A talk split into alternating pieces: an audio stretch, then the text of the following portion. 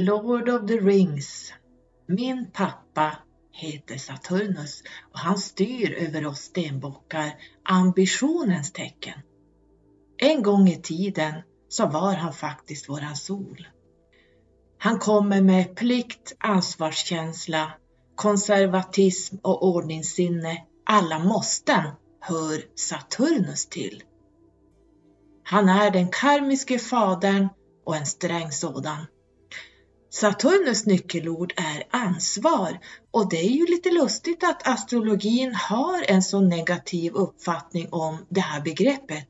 För vad vore vi utan ansvar? Genom Saturnus så uppnår vi visdomen. Ni vet att i kabbalaträdet så heter han Bina som tillhör anden längst upp och Bina betyder just visdom. Saturnus har sedan urminnes tider förknippats med otur, död, misslyckande, mörker och rädsla. Genom Saturnus förmåga att kristallisera saker och ting finns struktur och stadga i världen. Saturnus ber oss att se verkligheten i vitögat och att vi ska ta fullt ansvar över våra liv. Saturnus lär oss att ingenting i livet är gratis och att alla Saturnus transiter kommer att lära oss någonting. Saturnus skapar problem så att vi kan lära oss att lösa dem. Och Saturnus skapar misslyckanden för att vi ska lära oss ödmjukhet. Saturnus brukar även symbolisera Fadern.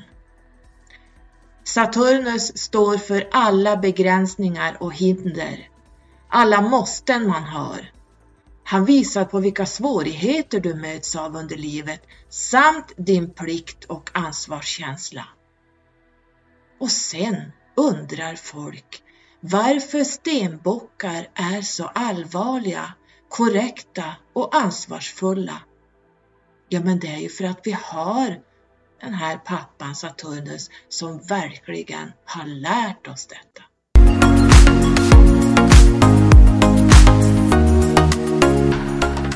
Hej fina underbara lyssnare! Välkommen tillbaka till Skyrocket-podden. Som ni vet, eller det som ni inte vet det, men jag har försökt flagga lite grann om att jag nu finns även på Spotify så man kan hitta den länken på min hemsida längst ner i foten där det står Let's Connect. Och där är det eh, bara säsong 3 där som finns. Man kan även gå in i länken i länkträdet uppe på Instagrams min bio där uppe. Där hittar man också Spotify-länken. Men som sagt var, de som är nya och inte har lyssnat på säsong 1 och 2, de kan fortsätta att lyssna i appen Acast eller Acast. För där finns säsong 1 och 2. Nummer två som jag skulle vilja säga är att jag vill flagga lite grann om nyhetsbrevet. Därför att den och de som tecknar upp sig på nyhetsbrevet, det finns på min hemsida. Ni kommer att få sista delen i den här serien på eran mail i pdf-format angående hur man ska jobba med Saturnus andar och hur man ska kunna navigera fram till dit man vill och dit man ska och försöka lätta på resan lite grann. Jag hoppas att ni skriver upp er på nyhetsbrevet. Ju fler vi är, desto fler når jag ut till. Så eh, missar man det här så att skriva upp sig nu, då missar man den här eh, sista delen i den här serien kring Saturnus. Jag tänkte vi skulle ta en liten repetition av vad jag har pratat om innan. Det första avsnittet handlade om hur Saturnus räddade vårt solsystem och faktiskt skapade solsystemet eh, tillsammans med Jupiter. Och att Jupiter och Saturnus idag sitter ihop som två sidor av oss. En som vill framåt hela tiden och en som bromsar. Och ni kommer att förstå varför det är jättebra att vi bromsar, stannar upp och tänker efter. Ni kommer att få höra det under avsnittets gång. Vi har också lärt oss att Saturnus är guden Javé. Det vill säga den Gud vi åberopar i Bibeln och när, varje gång vi säger Åh Gud hjälp mig, Åh Gud kan jag få hjälp? Då är det Saturnus eller guden Jave, Jave, egentligen vars namn man inte får nämna, men jag har tagit mig tillåtelse att säga det här namnet. Ehm, vi har också lärt oss att den här Gud, det som vi kallar Gud, källan, är polariteter av Jesus och djävulen. Ni minns han, när jag berättade i avsnittet när de här två polariteterna visade sig efter varandra. Det tog ett tag innan jag förstod vad de här klärvoajanta bilderna visade, eller filmerna. Där jag fick titta på djävulen och hans kropp och alla de här symbolerna. Och de här symbolerna är precis de symboler som är jätteviktiga för människan än idag. Jag berättade också om menoran som dök upp i min säng, eh, som då i sin tur betyder Gud eller den brinnande busken. Och vem är då det? Jo, det är Saturnus.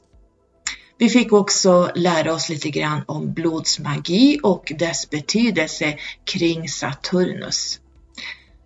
Så idag tänker jag gå vidare och prata lite mer esoteriskt. Vi ska gå några tusen år bakåt i tiden och kika vad Saturnus har haft för betydelse för våra eh, forntida människor, våra ancients och se hur de använder Saturnus. Så välkomna in!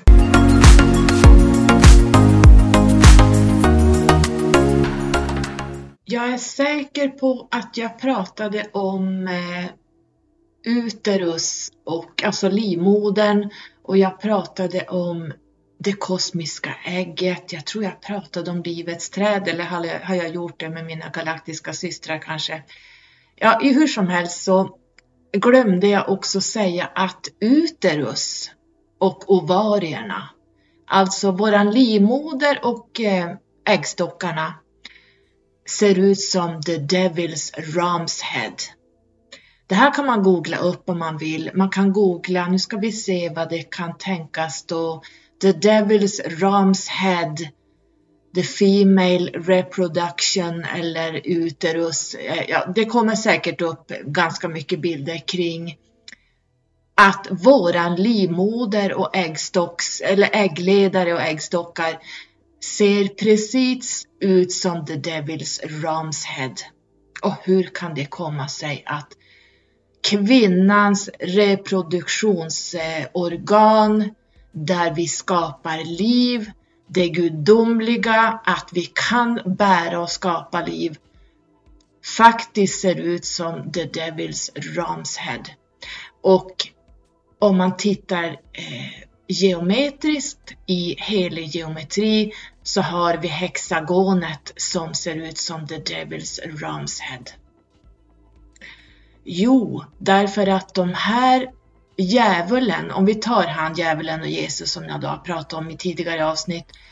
Um, djävulen är ingen elak entitet som bor i underjorden där man hamnar om man inte sköter sig enligt Bibeln. Nej, nej, nej. Djävulen är människan. Djävulen är den fysiska människan som vi vet är djävulen som vandrar på jorden. Och vi består av gott och ont. Vi består av eh, två polariteter. Vi består av Jesus och djävulen. Vi har alltid två sidor. Det finns alltid motsatser till allting. Och när man vill förstå lite djupare kring det här så kan ni läsa mitt, eh, min artikel kring eh, de tolv universella lagarna. Så där förstår man lite grann mera om man eh, lyssnar här och så tittar man där sen. Så det handlar om kvinnans reproduktionsorgan visar på hexagonet och det bevisar också att det är vad man kan kalla människans lägsta nivå. Vi är på den lägsta nivån om man tittar i kabbalans fyra nivåer där man har längst ner har man den fysiska människan. Sen kommer själen, sen kommer medvetandet och ovanför medvetandet kommer anden. Och vad ligger uppe i anden? Ja, vi har Keter längst upp och sen har vi Uranus och så har vi Saturnus. Det är anden. Så ska man ta sig förbi de här, då gäller det verkligen att jobba efter de här lärdomarna. Så jag ville bara flagga om det här också. Och Numerologin är egentligen trådarna jag pratade om i tidigt. Numerologin är betydligt svårare att förstå, den är jättekomplex. För den innefattar vibrationer, energier, den innefattar matematik, den innefattar vinklar, den innefattar bokstäver som översätts till eh, energier, den innefattar helig geometri. Så den är betydligt svårare att prata om. Men nu är jag mer inne i astrologin just för att jag vill förstå Astrologin är svår, men när man börjar få kläm på det så ser man precis hur allt fungerar och då kan jag liksom jämföra de här två. Um, våra ancients, alltså de i tidigare flera tusen år tillbaka människorna, för att förstå astrologin och för att förstå astronomin så var man tvungen att skapa avatarer, det vill säga gudar för vad det, är som, vad det var som hände på himlavalvet. Vad händer med Venus? Venus kallas för kärleksgudinnan. Afrodite, där har vi en avatar. Så att man skulle förstå det här Mars som då eh, är krigarplaneten, krigaren i oss. Ja, då vart det ju Marsguden. Sen har vi ju övriga gudar. Vi har Apollon som då är solen. Så att man skapade eh, avatarer, entiteter, snedstreck gudar för att kunna människan ska få ett begrepp om vad är det som händer på himlavalvet och varför påverkar det här oss så himla specifikt. Um, numerologin är de här kapillärerna som vi har. Vi har kapillärer som går, om, om du tänker dig ut i fingrarna, eh, om du sticker dig i fingret så blöder det lite grann. Det är kapillärer som är längst ut och så har vi kapillärer i ansiktet till exempel. Och sen går man längre in i kroppen, då kan ni se venerna, det är de här blå slangarna ni har på, på, ovanför händerna och armarna och sådär. Ehm, det är de som liksom eh, skjutsar runt, som, som egentligen tar tillbaka ehm, det syresatta blodet som är använt ska tillbaka ut genom lungorna, enkelt sagt. Och sen har vi artärerna vi har artärer i kroppen som där hjärtat, eh, eh, det är de som leder ut blodet i kroppen. För det syresatta blodet ska ut i kroppen, ut till alla celler och sen går det tillbaks i venerna ut genom lungorna. Vi andas in syre som går till, genom hjärtat till artärerna och så sen kan man säga då att venerna Eh, transportera tillbaks den här koldioxiden ut genom lungorna. Så när vi går omkring med munskydd hela dagarna, då förstår ni att vi, vi får inte den här eh, gasutbytet som, som normalt ska ske för att en kropp ska må bra. Så det blir en celldöd när man går omkring med munskydd för att du har fortfarande kvar koldioxid. Du får aldrig in 21% syre i din kropp. Så har du munskydd då andas du in och ut, in och ut ditt koldioxid hela tiden så kroppen blir sur och därmed sker en, en eh, celldöd till slut. Så man kan säga att det blir som trådar Våran kropp är uppbyggd ungefär som eh, universum är uppbyggd. Det är ungefär samma fast det är fysiskt här nere.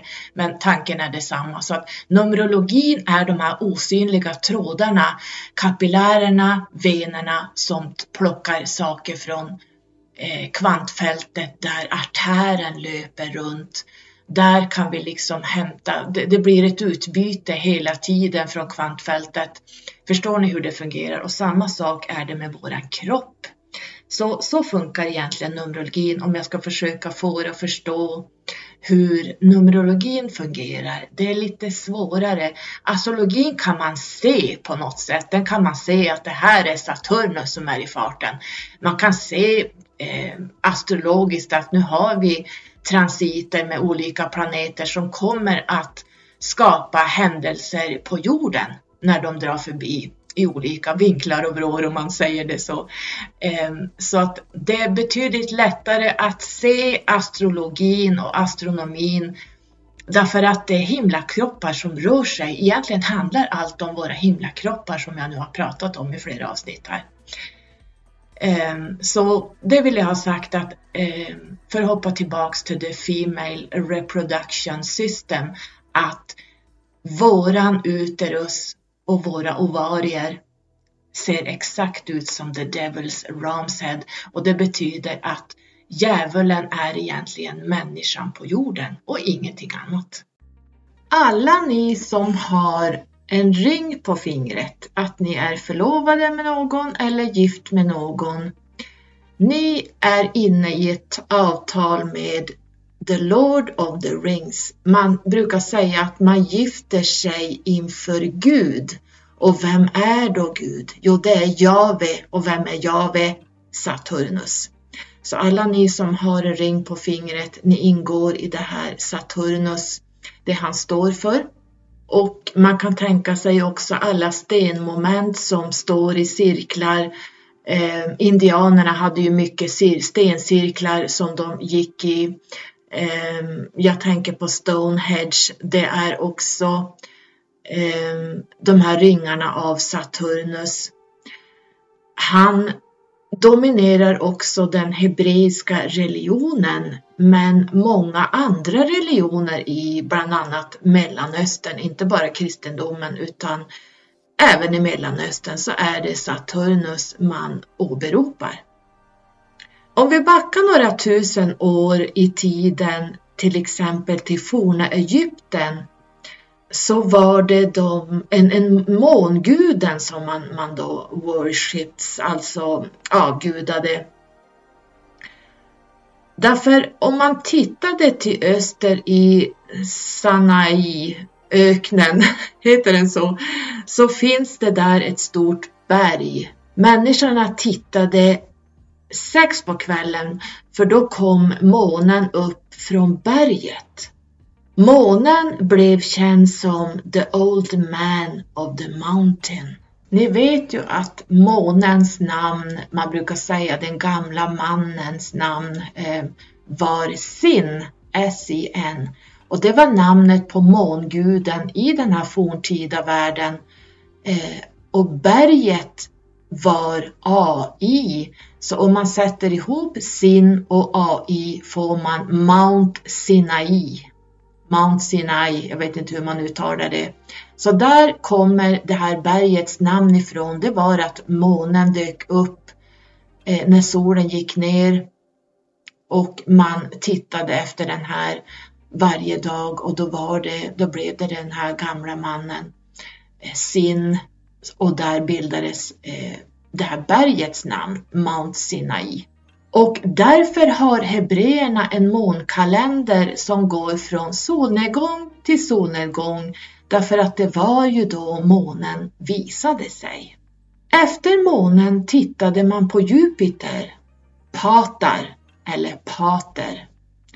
I den foneiska språket ser man Peter och det antika namnet för judarna var IU så forntid gammelengelska var det IU eller IOU. Så IU är lika med Jupiter som är lika med Pater och Pater betyder fader som senare blev JU, Pater eller JU Peter som blir Jupiter. Så här skapades då genom tusen år namnet på Jupiter. Och Jupiter blev ju viktig för bland annat hebreerna. Så från vädurens astrologiska tidsålder som var då att blåsa i the Rams horn till fiskarnas tidsålder där vi då är idag och snart håller på att gå ur. Där vi gick in i den här kristna tidsåldern, alltså när vi gick in i, ifrån vädurens tidsålder och när vi gick in i den kristna tidsåldern, eh, fiskarnas tidsålder, så kom då Bibeln in, änglar, Javé, Gud etc. I Vatikanen finns det en staty av Sankt Peter som i verkligheten är Pater, Fader Gud. Pater sätter du ett JU före. Så då blir det Ju Pater. Och efter 500 år fram tills idag är den huvudsakliga planeten Saturnus Lord of the Rings, vilket är de kristna och hebreernas gud än idag.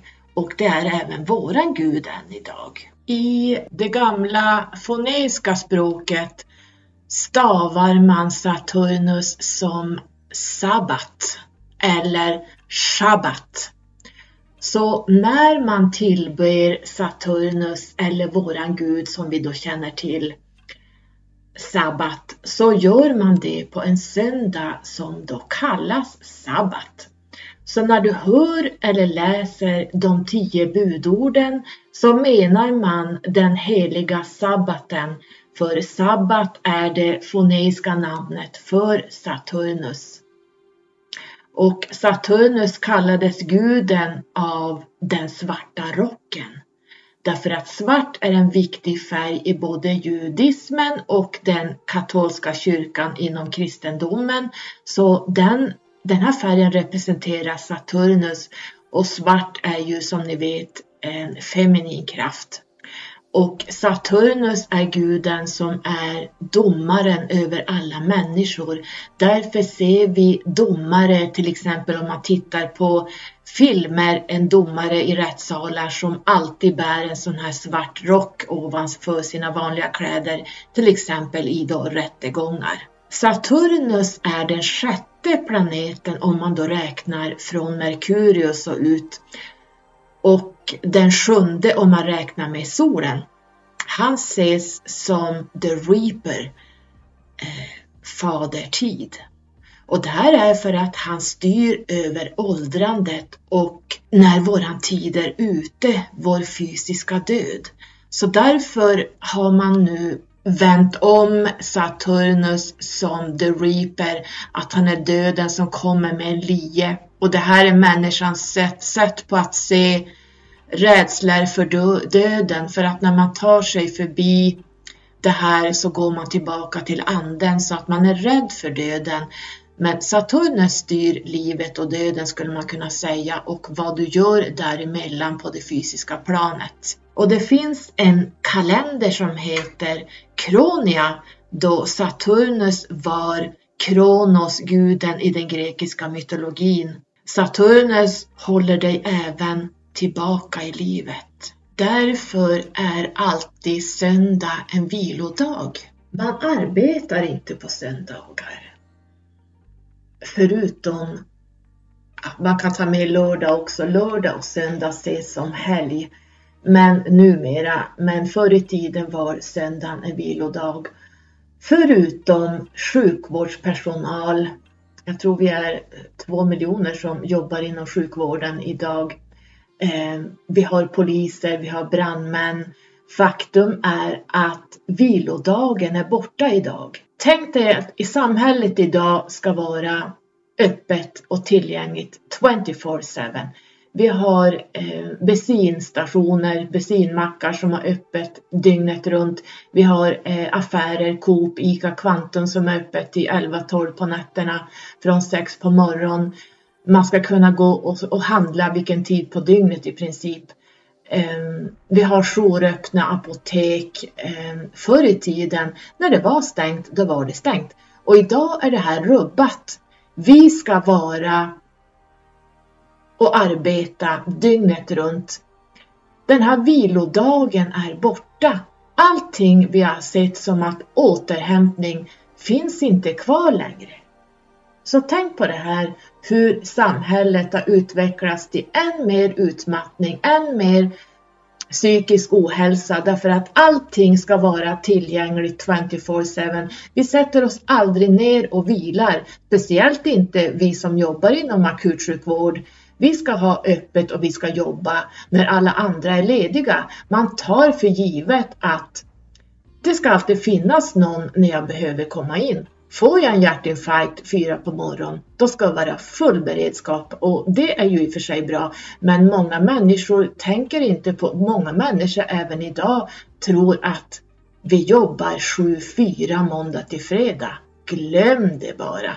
Det är många, många år sedan vi slutade med det. Det finns inte kvar. Om vi går vidare till Davidstjärnan så är det en sexhörnig stjärna, vilket refererar till den heliga geometrin som en häx eller ett hexagram som numerologiskt egentligen betyder sex och där man i Bibeln refererar nummer sex som människan. Och jag har ju pratat om tidigare nu för några minuter sedan att the devil's ram's head är eh, det kvinnliga Eh, reproduktionsorganet, uterus och ovarierna.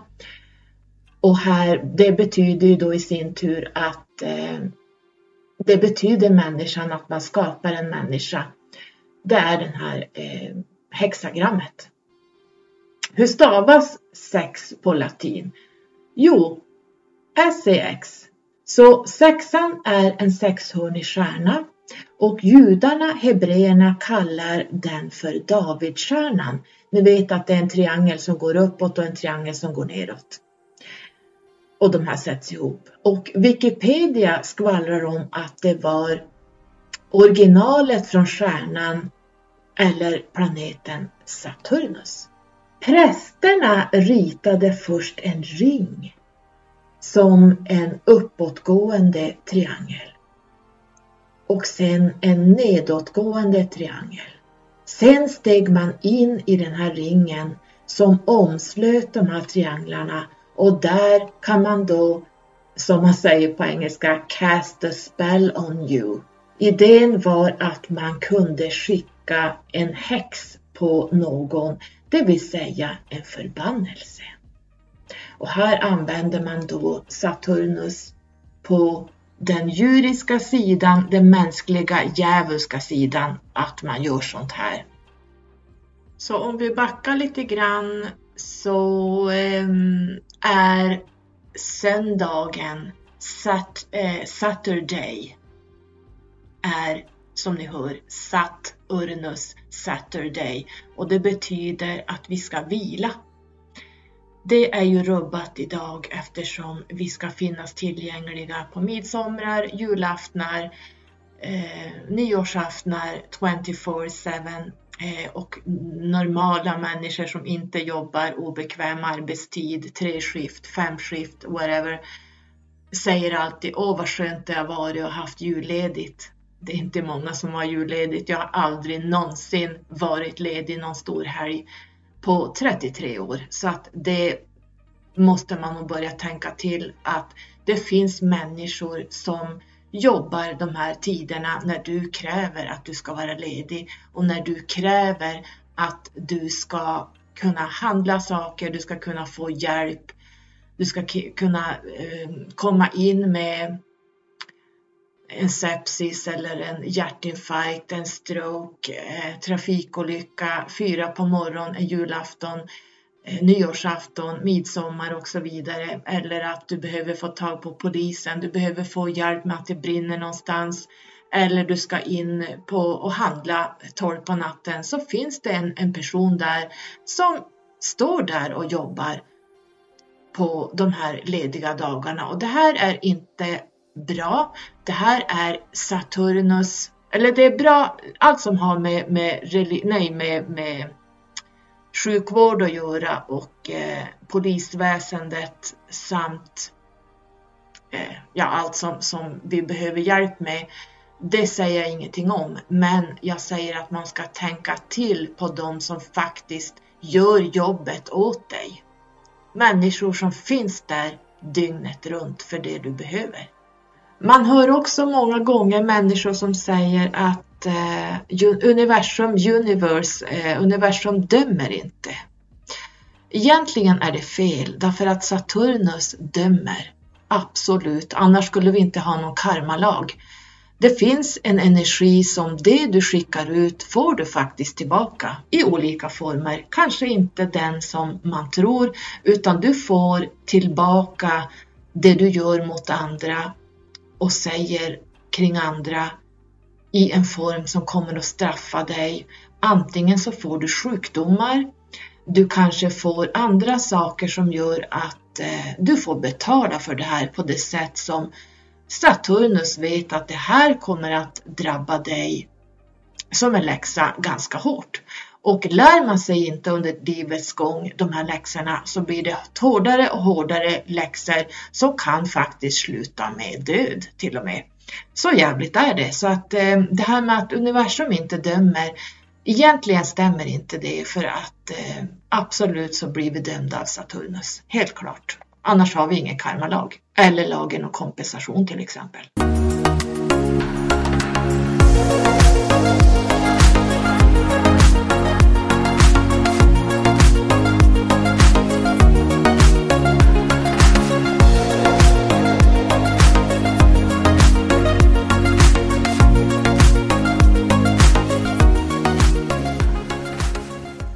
Ja, livet är en skola här nere. Jorden, när vi är här som fysiska människor, så är vi endast här för att bättra oss, att förstå saker, att få visdom.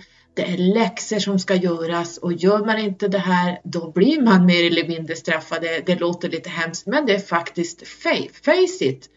Det är bara så det är. Vi är här endast för att jobba oss uppåt i livets träd, i Sefirot, i Yggdrasil om man så vill, det beror på vad man tycker passar en bäst. Så att eh, lärdomar, göra bättre och eh, faktiskt eh, vara mindre ego. Att jobba mer själsligt och ta sig förbi den själsliga delen i Sefirot, i Kabbalans träd Eh, Eh, för att sen komma upp i medvetandet. Och när man passerar medvetandet då är man uppe i Saturnus och då är man uppe i Uranus. Och då är man snart tillbaka till Keter, anden, den ursprungliga högre jaget, Gud om man så vill. Därför Gud är man brukar säga att Gud är en avbildning av människan. Och det innebär att alla människor som är på jorden är utspridda i delar av Gud. Så Gud är vi. Så det är därför det inte finns någon Gud, utan Gud är anden, Gud är jaget och det är alla vi tillsammans. Där vi måste stå upp och hjälpa varandra med våra läxor och lärdomar för att vi alla kollektivt ska jobba oss uppåt ur Sefirot uppåt mot anden tillbaka och det är det här Saturnus och Uranus försöker hjälpa oss med. Faktiskt alla planeter har sin, man har alla planeter i, sitt, i, sin astrologikarta där de ligger på olika ställen för att hjälpa dig med saker, att du ska utvecklas som människa. Så därför är det jätteviktigt att du dels har din astrologikarta och sen har du din numerologiska själskontrakt där det står exakt vad du har med dig från tidigare liv, vad du ska jobba med. Vi ska titta på norra och södra noden, de karmiska punkterna och vi ska titta på ja, men allt det jag pratar om här, att eh, vi måste kollektivt jobba oss uppåt mot eh, Keter. Eh, och det blir bättre och sämre energier. Eh, snart går vi in i Vattumannens tidsålder och då kommer det att bli revolution. Tro mig, vi börjar se det lite grann. Vi har börjat. Det är alltid en övergångstid mellan tidsåldrar. Astrologiska tidsåldrar, nu pratar vi inte ljuga tidsåldrarna vi är fortfarande i Kalis eh, tidsålder, time of destruction och det ser vi nu kulmen av verkligen. Men genom Vattumannens tidsålder som vi börjar närma oss. Jag tror vi är där helt och hållet under, under 150 år framåt. Men vi börjar se det nu att eh, dels är vi inne i Vattumannens eh, just nu, alltså Vattumannens period eh, under en månad. Men Vattumannen kommer att hjälpa mänskligheten att slita sig lös från olika saker. Det är jag hundraprocentigt säker på. Så när NASA 1977 för första gången passerade Saturnus, man hade väl inte så bra grejer på den tiden, men då såg man i alla fall Saturnus norr, norra pol. Och där fanns det en symbol för den heliga geometrins symbol som då är en, en hexagram eller hexagon. Och när eh, NASA svängde förbi Saturnus andra gången eh, och norra noden över Saturnus så ser man den här hexagonet igen. Och den här gången var bilden helt klar och helt outstanding. Man hade alltså betydligt bättre grejer. Inom den här hexagrammet ser man då virvlande rörelser, precis som om man tänker sig Vintergatan snurrar i spiraler. Och frågan här är ju hur hebreerna och judarna och alla de här för flera tusen år sedan visste att Saturnus hade en symbol av ett hexagram och som sen blev Davids stjärna. De visste att symbolen var Saturnus. Vi fick veta det 77 första gången så att man kan säga att människorna på den här tiden, de visste betydligt mer än vad vi vet idag. Och eh, jag skulle kunna tänka mig att det beror på både tidsåldrar och ljuga-åldrarna som gör att vi går ner i vårt ego mer och mer där vi är idag. Men nu börjar vi släppa egot och selfies och mima-selfies och titta på mig, se på mig, hör mig, promota mig, eh, bekräftelsesökande utåt. Vi börjar lämna det nu. Alla som börjar vakna upp till, gå upp i den här spiralen i, eh, eller nivåerna av Sefirot, att vi börjar lämna den lägsta nivån. Vi börjar gå upp mot själen och sen börjar vi gå upp mot medvetandet för att till slut kunna ta oss förbi Saturnus och Uranus som då är anden. Alla som har sett Sauron i Sagan om ringen, han representerar ju the evil eye. Så om du går till Saturnus södra pol så ser man ett öga. Det här går att googla upp. Eh, vi har ju idag sådana här eh, smileys, ikoner med ett öga. Vi ser det här ögat på dollarsedeln. Vi ser ja, det här allseende ögat och det här är ju Saturnus som ser allt.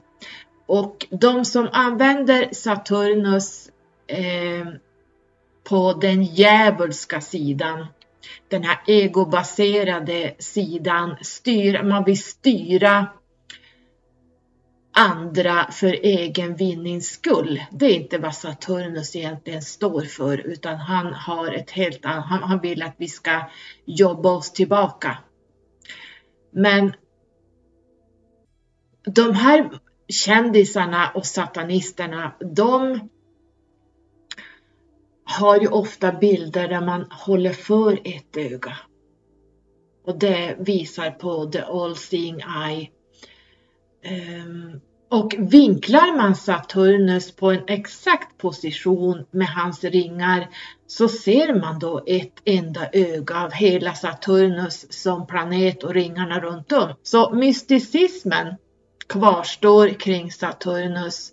Judarnas religion, eh, den katolska kristna kyrkan, till och med islam har en symbol av Saturnus som är helt och hållet dominant. Saturnus är också en svart kub. I heliogeometri har jag läst mycket och tittat om den här kuben och den här kuben ryms även inne i Sefirot. Eh, det är svårt, det här måste man nästan visa på bildväg, annars förstår man inte det. Man måste studera heliogeometri ganska avancerad nivå för att förstå det här. Men man kan säga som så, så att Saturnus är en svart kub, en fyrkant som eller där geometrin hänvisar till numerologiska fyran och även numerologiska åttan.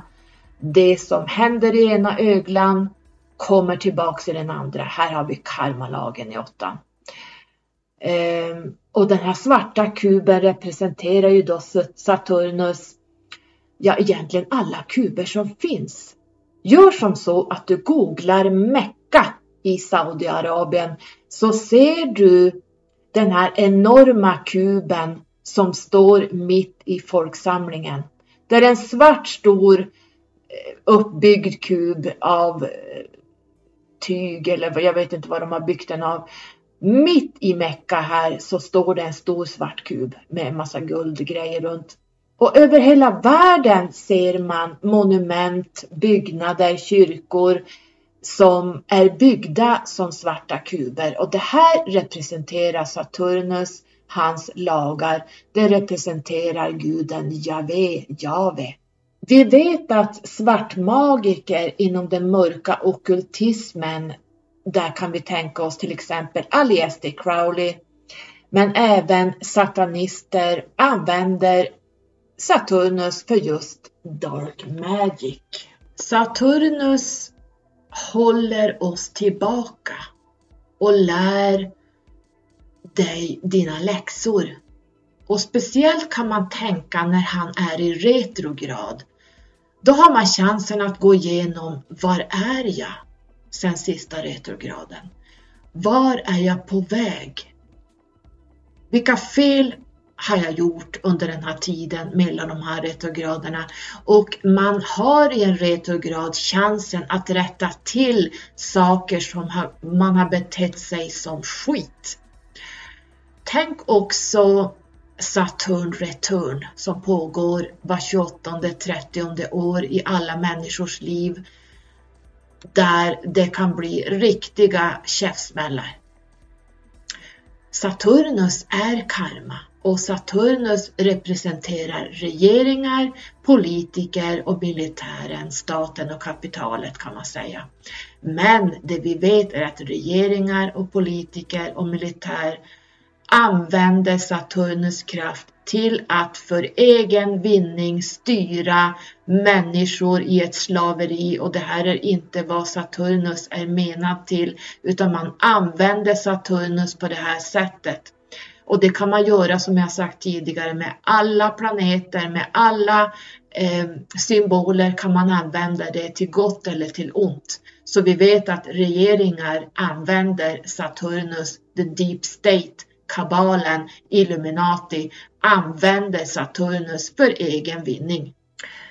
Och om ni har lyssnat ända till hit så hörde ni i början att jag pratade lite grann om att eh, Saturnus begränsar oss, att vi inte, om man tänker så här att Jupiter, om ni hörde i första avsnittet, bara tar sig fram. Jupiter ska fram och expandera och kasta sig hit och dit utan att tänka efter.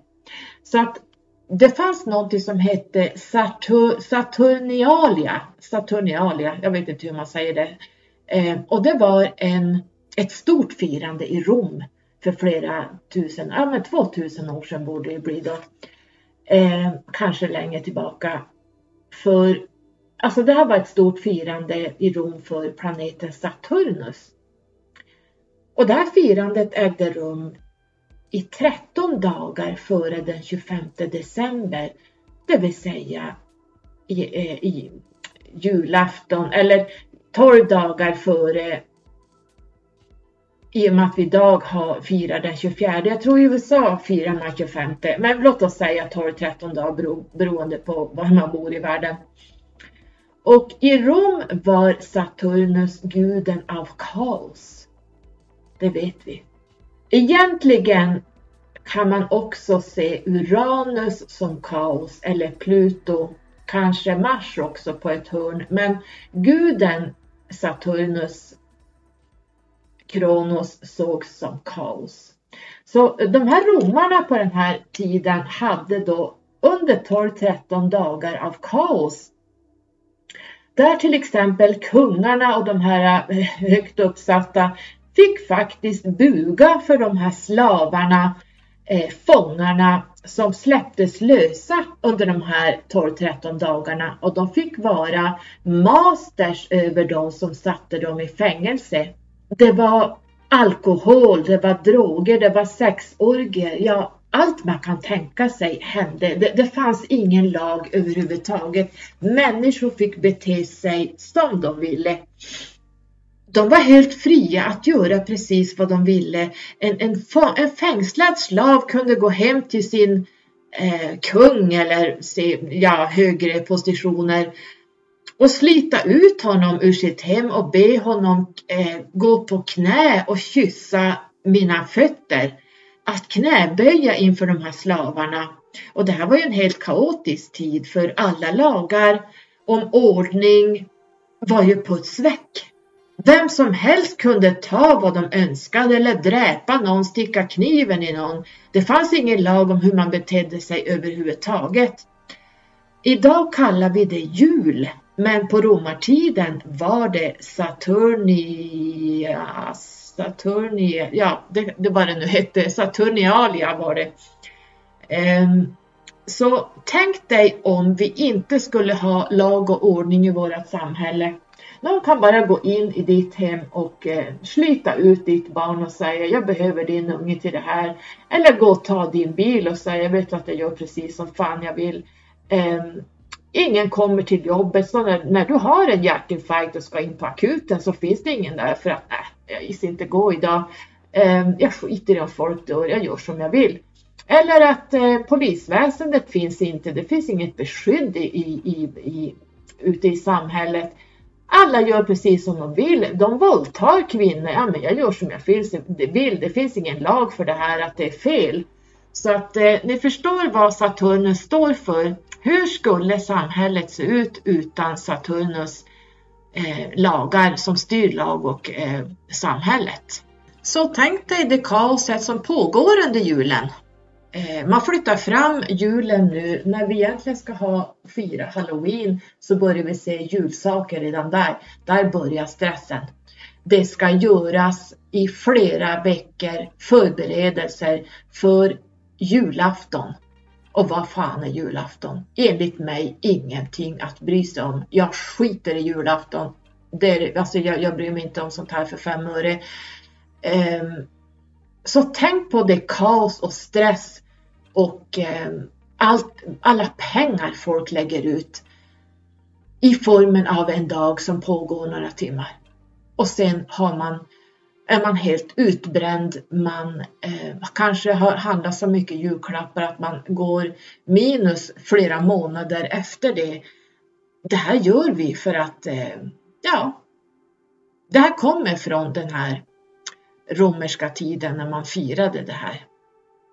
Att man fick göra som FN man ville. För att återgå då till Saturnus ringar så har eh, de fotats som man ser någon typ av ett fordon inom parentes. Jag vet inte vad man ska kalla det. Eh, man kallar det för spacefordon som skapar nya ringar. Man ser att det här gör nya ringar. Så man vet idag att Saturnus ringar är artificiella. Och det här är NASAs bilder.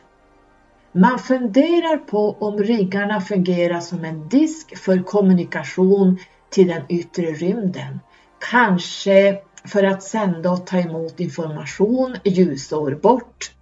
Och det vi vet är ju att månen är ju artificiell. Den är ingen, ja, den är ingen planet, den är ingen asteroid. Månen är artificiell, men den har en funktion. Så vi skulle inte klara oss utan månen för att om månen eh, inte skulle vara den där, där, den är så skulle jorden kastas ut i, i rymden och försvinna ut. så att månen är ju, är, har ju en viss dragningskraft som håller Det finns en mening varför den är, men månen är eh, artificiell. Och Saturnus är en av de viktigaste, eh, kanske viktigaste i hela solsystemet som balanserar ut alla planeter och stjärnor. Och som jag sagt tidigare i avsnitt så dominerar Jupiter och Saturnus hela vårt solsystem. Saturnus spelar den stora rollen inom mysticismen, okultismen samt alla magiska system.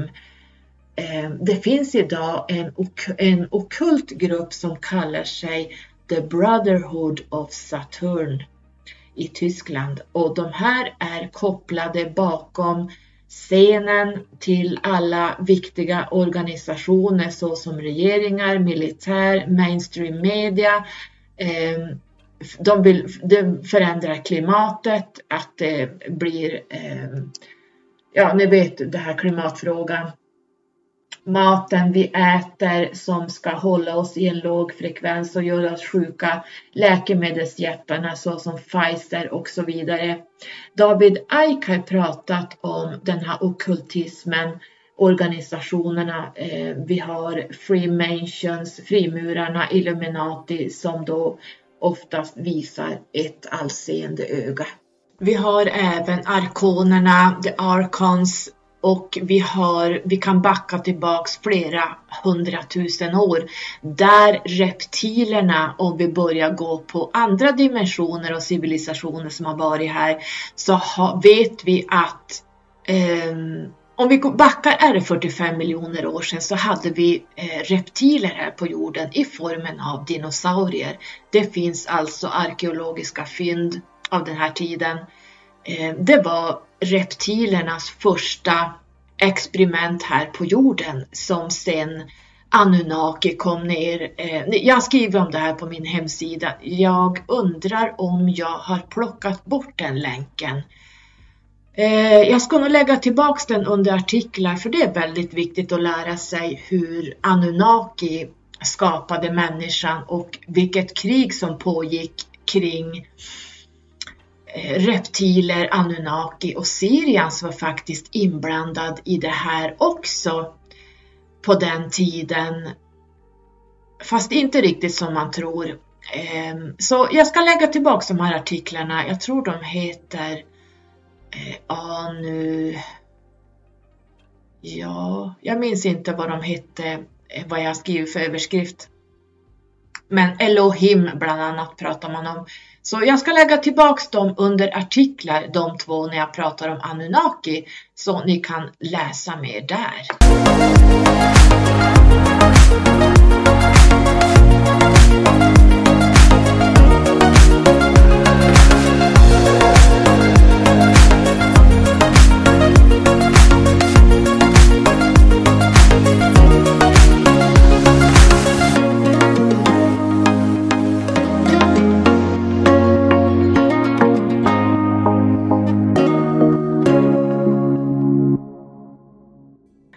Så vem är då den vise och tålmodige Saturnus? Eh, vi håller som sagt var på att skifta och eh, höja oss kollektivt. Många har en lång resa kvar. Man fokuserar på eller egentligen man ältar gammal skit. Man sitter och ältar och förkovrar sig i sina trauman, i sina emotionella känslor år ut och år in och det är en process man måste gå i. Det är alltid en början att börja där. Eh, då är man längst ner och har man börjat läka sig så att säga. Men de människorna som är där har kanske inte hunnit så långt som upp förbi själen och upp till medvetandet. För när man kommer dit, då fokuserar man inte och ältar det här med ett läkande och att hur man har tagit sig dit man är idag. Ehm, och det är en process vi alla genomgår och det här är att, ehm, som man brukar säga, the wise and patient Saturn. Det finns, Saturnus bryr sig egentligen inte om hur länge det tar, bara det sker. Han är guden och gudinnan med många namn. Han är din rädsla, och varför ska vi bära på rädsla och komma upp i kärlek? Därför att rädslan gör att vi ska se varför är vi rädda? Vi måste fejsa det här när man är i den här läkningsprocessen med gamla emotioner, trauman och så vidare. Varför är jag rädd för de här sakerna? Och när man har fejsat det här, tittat på de här traumasakerna, vart man har varit och dit man ska. Här kan man titta lite grann på sina noder, men även sina karmiska skulder. Man kan även titta på den numerologiska eh, eh karman, karman och skulder. Så kan man titta lite grann, vad har man med sig från tidigare liv? Vad är det jag måste jobba med? Varför är jag rädd för att ta det här steget ut? Varför sitter det bara i huvudet att jag vill dit men jag törs inte? Jag törs inte visa vem jag är. Saturnus försöker belysa de här rädslorna men rädslor är också bra för att vi inte ska bete oss som Jupiter, att bara kasta oss ut i saker utan att tänka efter. Vi måste ha en rädsla med oss egentligen hela tiden för att om vi inte har en rädsla för att vi kliver ut, eh, ut för ett stup och ramlar ner och där slår vi ju ihjäl oss. Så vi måste alltid ha en rädsla hur hur vi än gör därför att rädslorna hjälper oss att vara lite mer försiktiga, att tänka till. Är det här klokt att göra? Vad kommer det här resultera i? Var slutar det här aktionen jag håller på med eller det jag sitter och säger eller kanske till och med jagar andra med blåslampa, snackar skit eh, om folk. Eh, det, det måste man börja tänka ut innan man gör det därför att karmalagen som är Saturnus kommer att se till att det här kommer tillbaka till dig i någon form. Saturnus är också arbetet du gör här nere i den fysiska världen, i våran tredimensionella värld. Vilket arbete gör du egentligen? Hur arbetar du?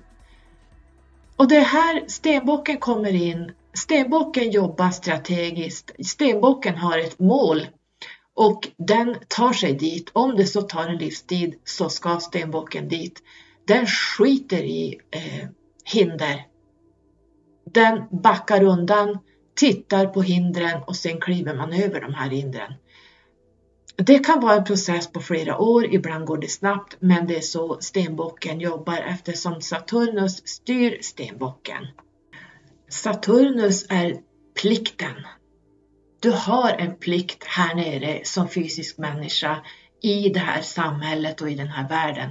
Du har plikter som du måste följa. Nu pratar jag inte om styrning och slaveri som regeringar håller på med, the deep state, utan jag menar plikter som handlar om att du har, du, ska vara, du har vissa plikter som du måste följa. Jag tror ni vet ungefär hur jag menar. Jag har en plikt att jag har åtagit mig saker och då måste jag följa den plikten. Och är det så att jag inte vill följa det här, ja då kliver man av och ser att den här plikten var inte för mitt högsta bästa. Den här plikten är inte bra för kollektivets bästa. Men den här plikten som jag har åtagit mig, den måste jag följa. Jag kan inte göra som eh, på romartiden under de här 12-13 dagarna före 24-25 december, att man tar på sig en plikt och sen går man och mördar någon eller man eh, stär saker, eller man våldtar barn och man våldtar kvinnor.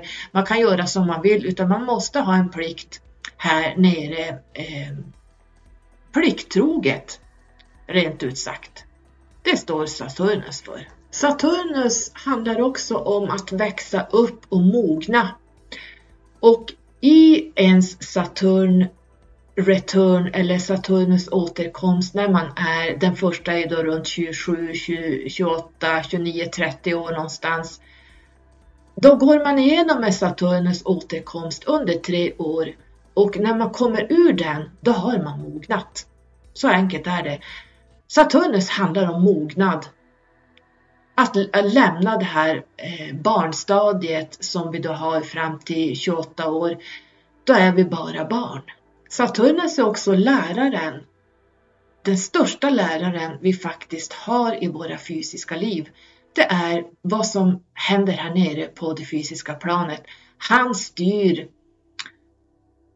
och navigerar dig rätt i livet med hans returns, alltså Saturn return, Saturnens återkomst, men även retrograder. Eh, där han ligger någonstans i ditt horoskop, i vilket hus han nu än ligger, så kommer han att påverka dig som en lärare kring allt möjligt, men han är också din karma som du har samlat på dig, skulder som du har samlat på dig i tidigare liv som kommer tillbaka i det här livet som du måste ta tag i. Det här ser ni i själskontrakten, det här ser ni i astrologin. Att det går inte att komma ifrån det här. Det är bara liksom fejsa det man har gjort, det man har sagt eh, från tidigare liv. Att man måste ta tag i det här. Och där kommer Saturnus in som en lärare att visa dig vägen. Saturnus är också våran fader, våran pappa, framförallt stenbockar, you know what I'm talking about. Eh, vi har eh, haft ganska stränga liv så att saker och ting som händer i våra liv det tycker inte vi är så jobbiga egentligen kanske jämfört med en fisk som helt rasar ihop av motgångar och jobbiga saker. Det blir för emotionellt, de, de eh, hamnar i någon djup eh, känslomässig psykos eller kanske skorpioner som har väldigt mycket känslor därunder. Eh, stenbockar tar de mesta jobbiga sakerna mindre hårt därför att vi har vuxit upp med Saturnus. Han har gett oss käftsmällar från det vi klev ut från mammas livmoder. Så är det och eh, det ska mycket till innan man rubbar en stenbock.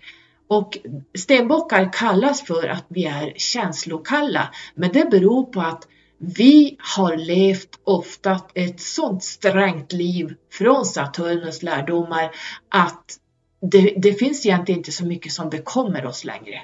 Vi är hårt, hårt härdade kan man säga. Vi, vi är inga lipsillar egentligen, sitter och gräver ner oss, utan vi kan bli förbannade, ledsna en liten stund. Sen så rätar vi upp ryggen och så kör vi vidare för att det är precis så Saturnus jobbar med oss ständigt. Men även där Saturnus ligger i din eh, astrologi.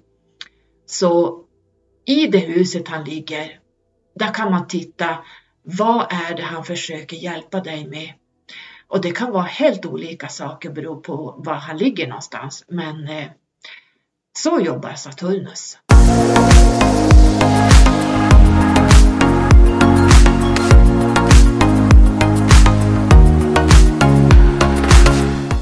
Astrologer och eh, andra människor eh, suckar ut när alla de här jobbiga transiterna är över som man är med i, som vi har varit med i med Uranus, eh, Saturnus, eh, Mars, alla de här eh, energierna som gör det riktigt jobbigt nere på jorden. Man vill gärna slippa lärdomar, man vill gärna slippa att stanna till och titta. Vad är det som händer i världen? Vad kan jag göra för att det ska bli bättre? Vad kan jag göra i mitt eget liv för att komma på rätt köl igen? Man orkar inte det här.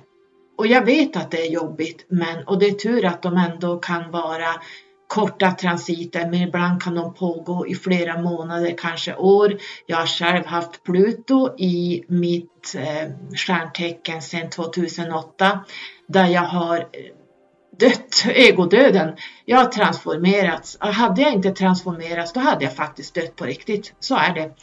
Eh, med Pluto innebär det att antingen så transformeras du eller så kommer du att dö. That's, det är alternativen du har. Så han har varit i mitt tecken sedan 2008 och går ur, nu är han i de sista graderna i stenbocken så han påverkar inte mig så där jättemycket i och med att jag har eh, tidiga grader i stenbocken.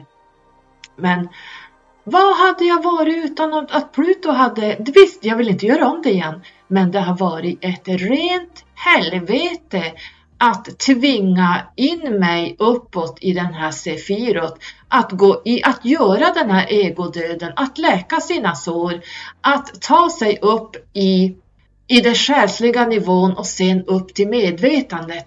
Det har varit en process som jag skulle vilja säga önskar inte min värsta fiende, men det är helt fel för då önskar jag dem faktiskt värre för att alla måste gå igenom det här och folk tycker att det här är jättejobbigt. Men hur ska vi annars transformeras har ni tänkt? Fundera på det. Allt som är jobbigt är lärdomar. Det finns liksom lagar för det här. Läs om de 12 universella lagarna, hur de kommer tillbaka och hur vi jobbar med dem. Allt är inte bara att glida omkring på ett bananskal hur mycket man än vill det. Jag har sagt det tidigare och nu pratar jag ur en stenbox eh, stenbockens perspektiv eftersom vi har gått den här resan stenhårt jämfört med andra som inte har stenbocken så tydligt i sina horoskop. Eh, man kan ha stenbocken som stjärntecken, man kan ha stenbocken som ascendent. Oh, shit på fritt! Och man kan ha stenbocken i månen också. Det är de som är stenbockar for real. I alla fall som stjärntecken och som ascendent. Det var slutet på den här tredje delen kring Saturnus och universums skapelse skulle man kunna säga. Jag har sparat det bästa till sist och det kommer i nyhetsbrevet. Där kommer eh, kronan på verket, hur man jobbar med Saturnus. Här kommer det magi som du ska jobba med. Så passa på nu att skriva upp dig på mitt nyhetsbrev för det kommer en pdf-fil där. Jag vet inte hur många sidor den kommer innehålla. Jag har inte ens tittat på den än hur jag ska utforma det här, men det kommer eh, så småningom på nyhetsbrevet. Så skriv upp dig där så får du sluttampen i den här serien eh, via nyhetsbrevet. Jag finns som vanligt på letskyrocket.se. Jag finns på Spotify. Den här podden ligger där eh, under namnet Skyrocket-podden och jag finns på Acast, Acast under Skyrocket heter jag bara där och där finns då tidigare säsonger som inte finns på Spotify. Tack för att du har lyssnat och ge mig bra betyg så kanske jag får bli mer taggad att podda lite oftare. Ni får gärna skriva till mig vad ni vill att jag ska ta upp. Jag skulle kunna prata om allting men ehm, ja, ni får gärna ge om det är något speciellt ni tänker på att jag ska prata om. Då är vi klara för den här gången. Ha en bra dag och tack för att du har lyssnat. I love you! Puss och kram! Hej då!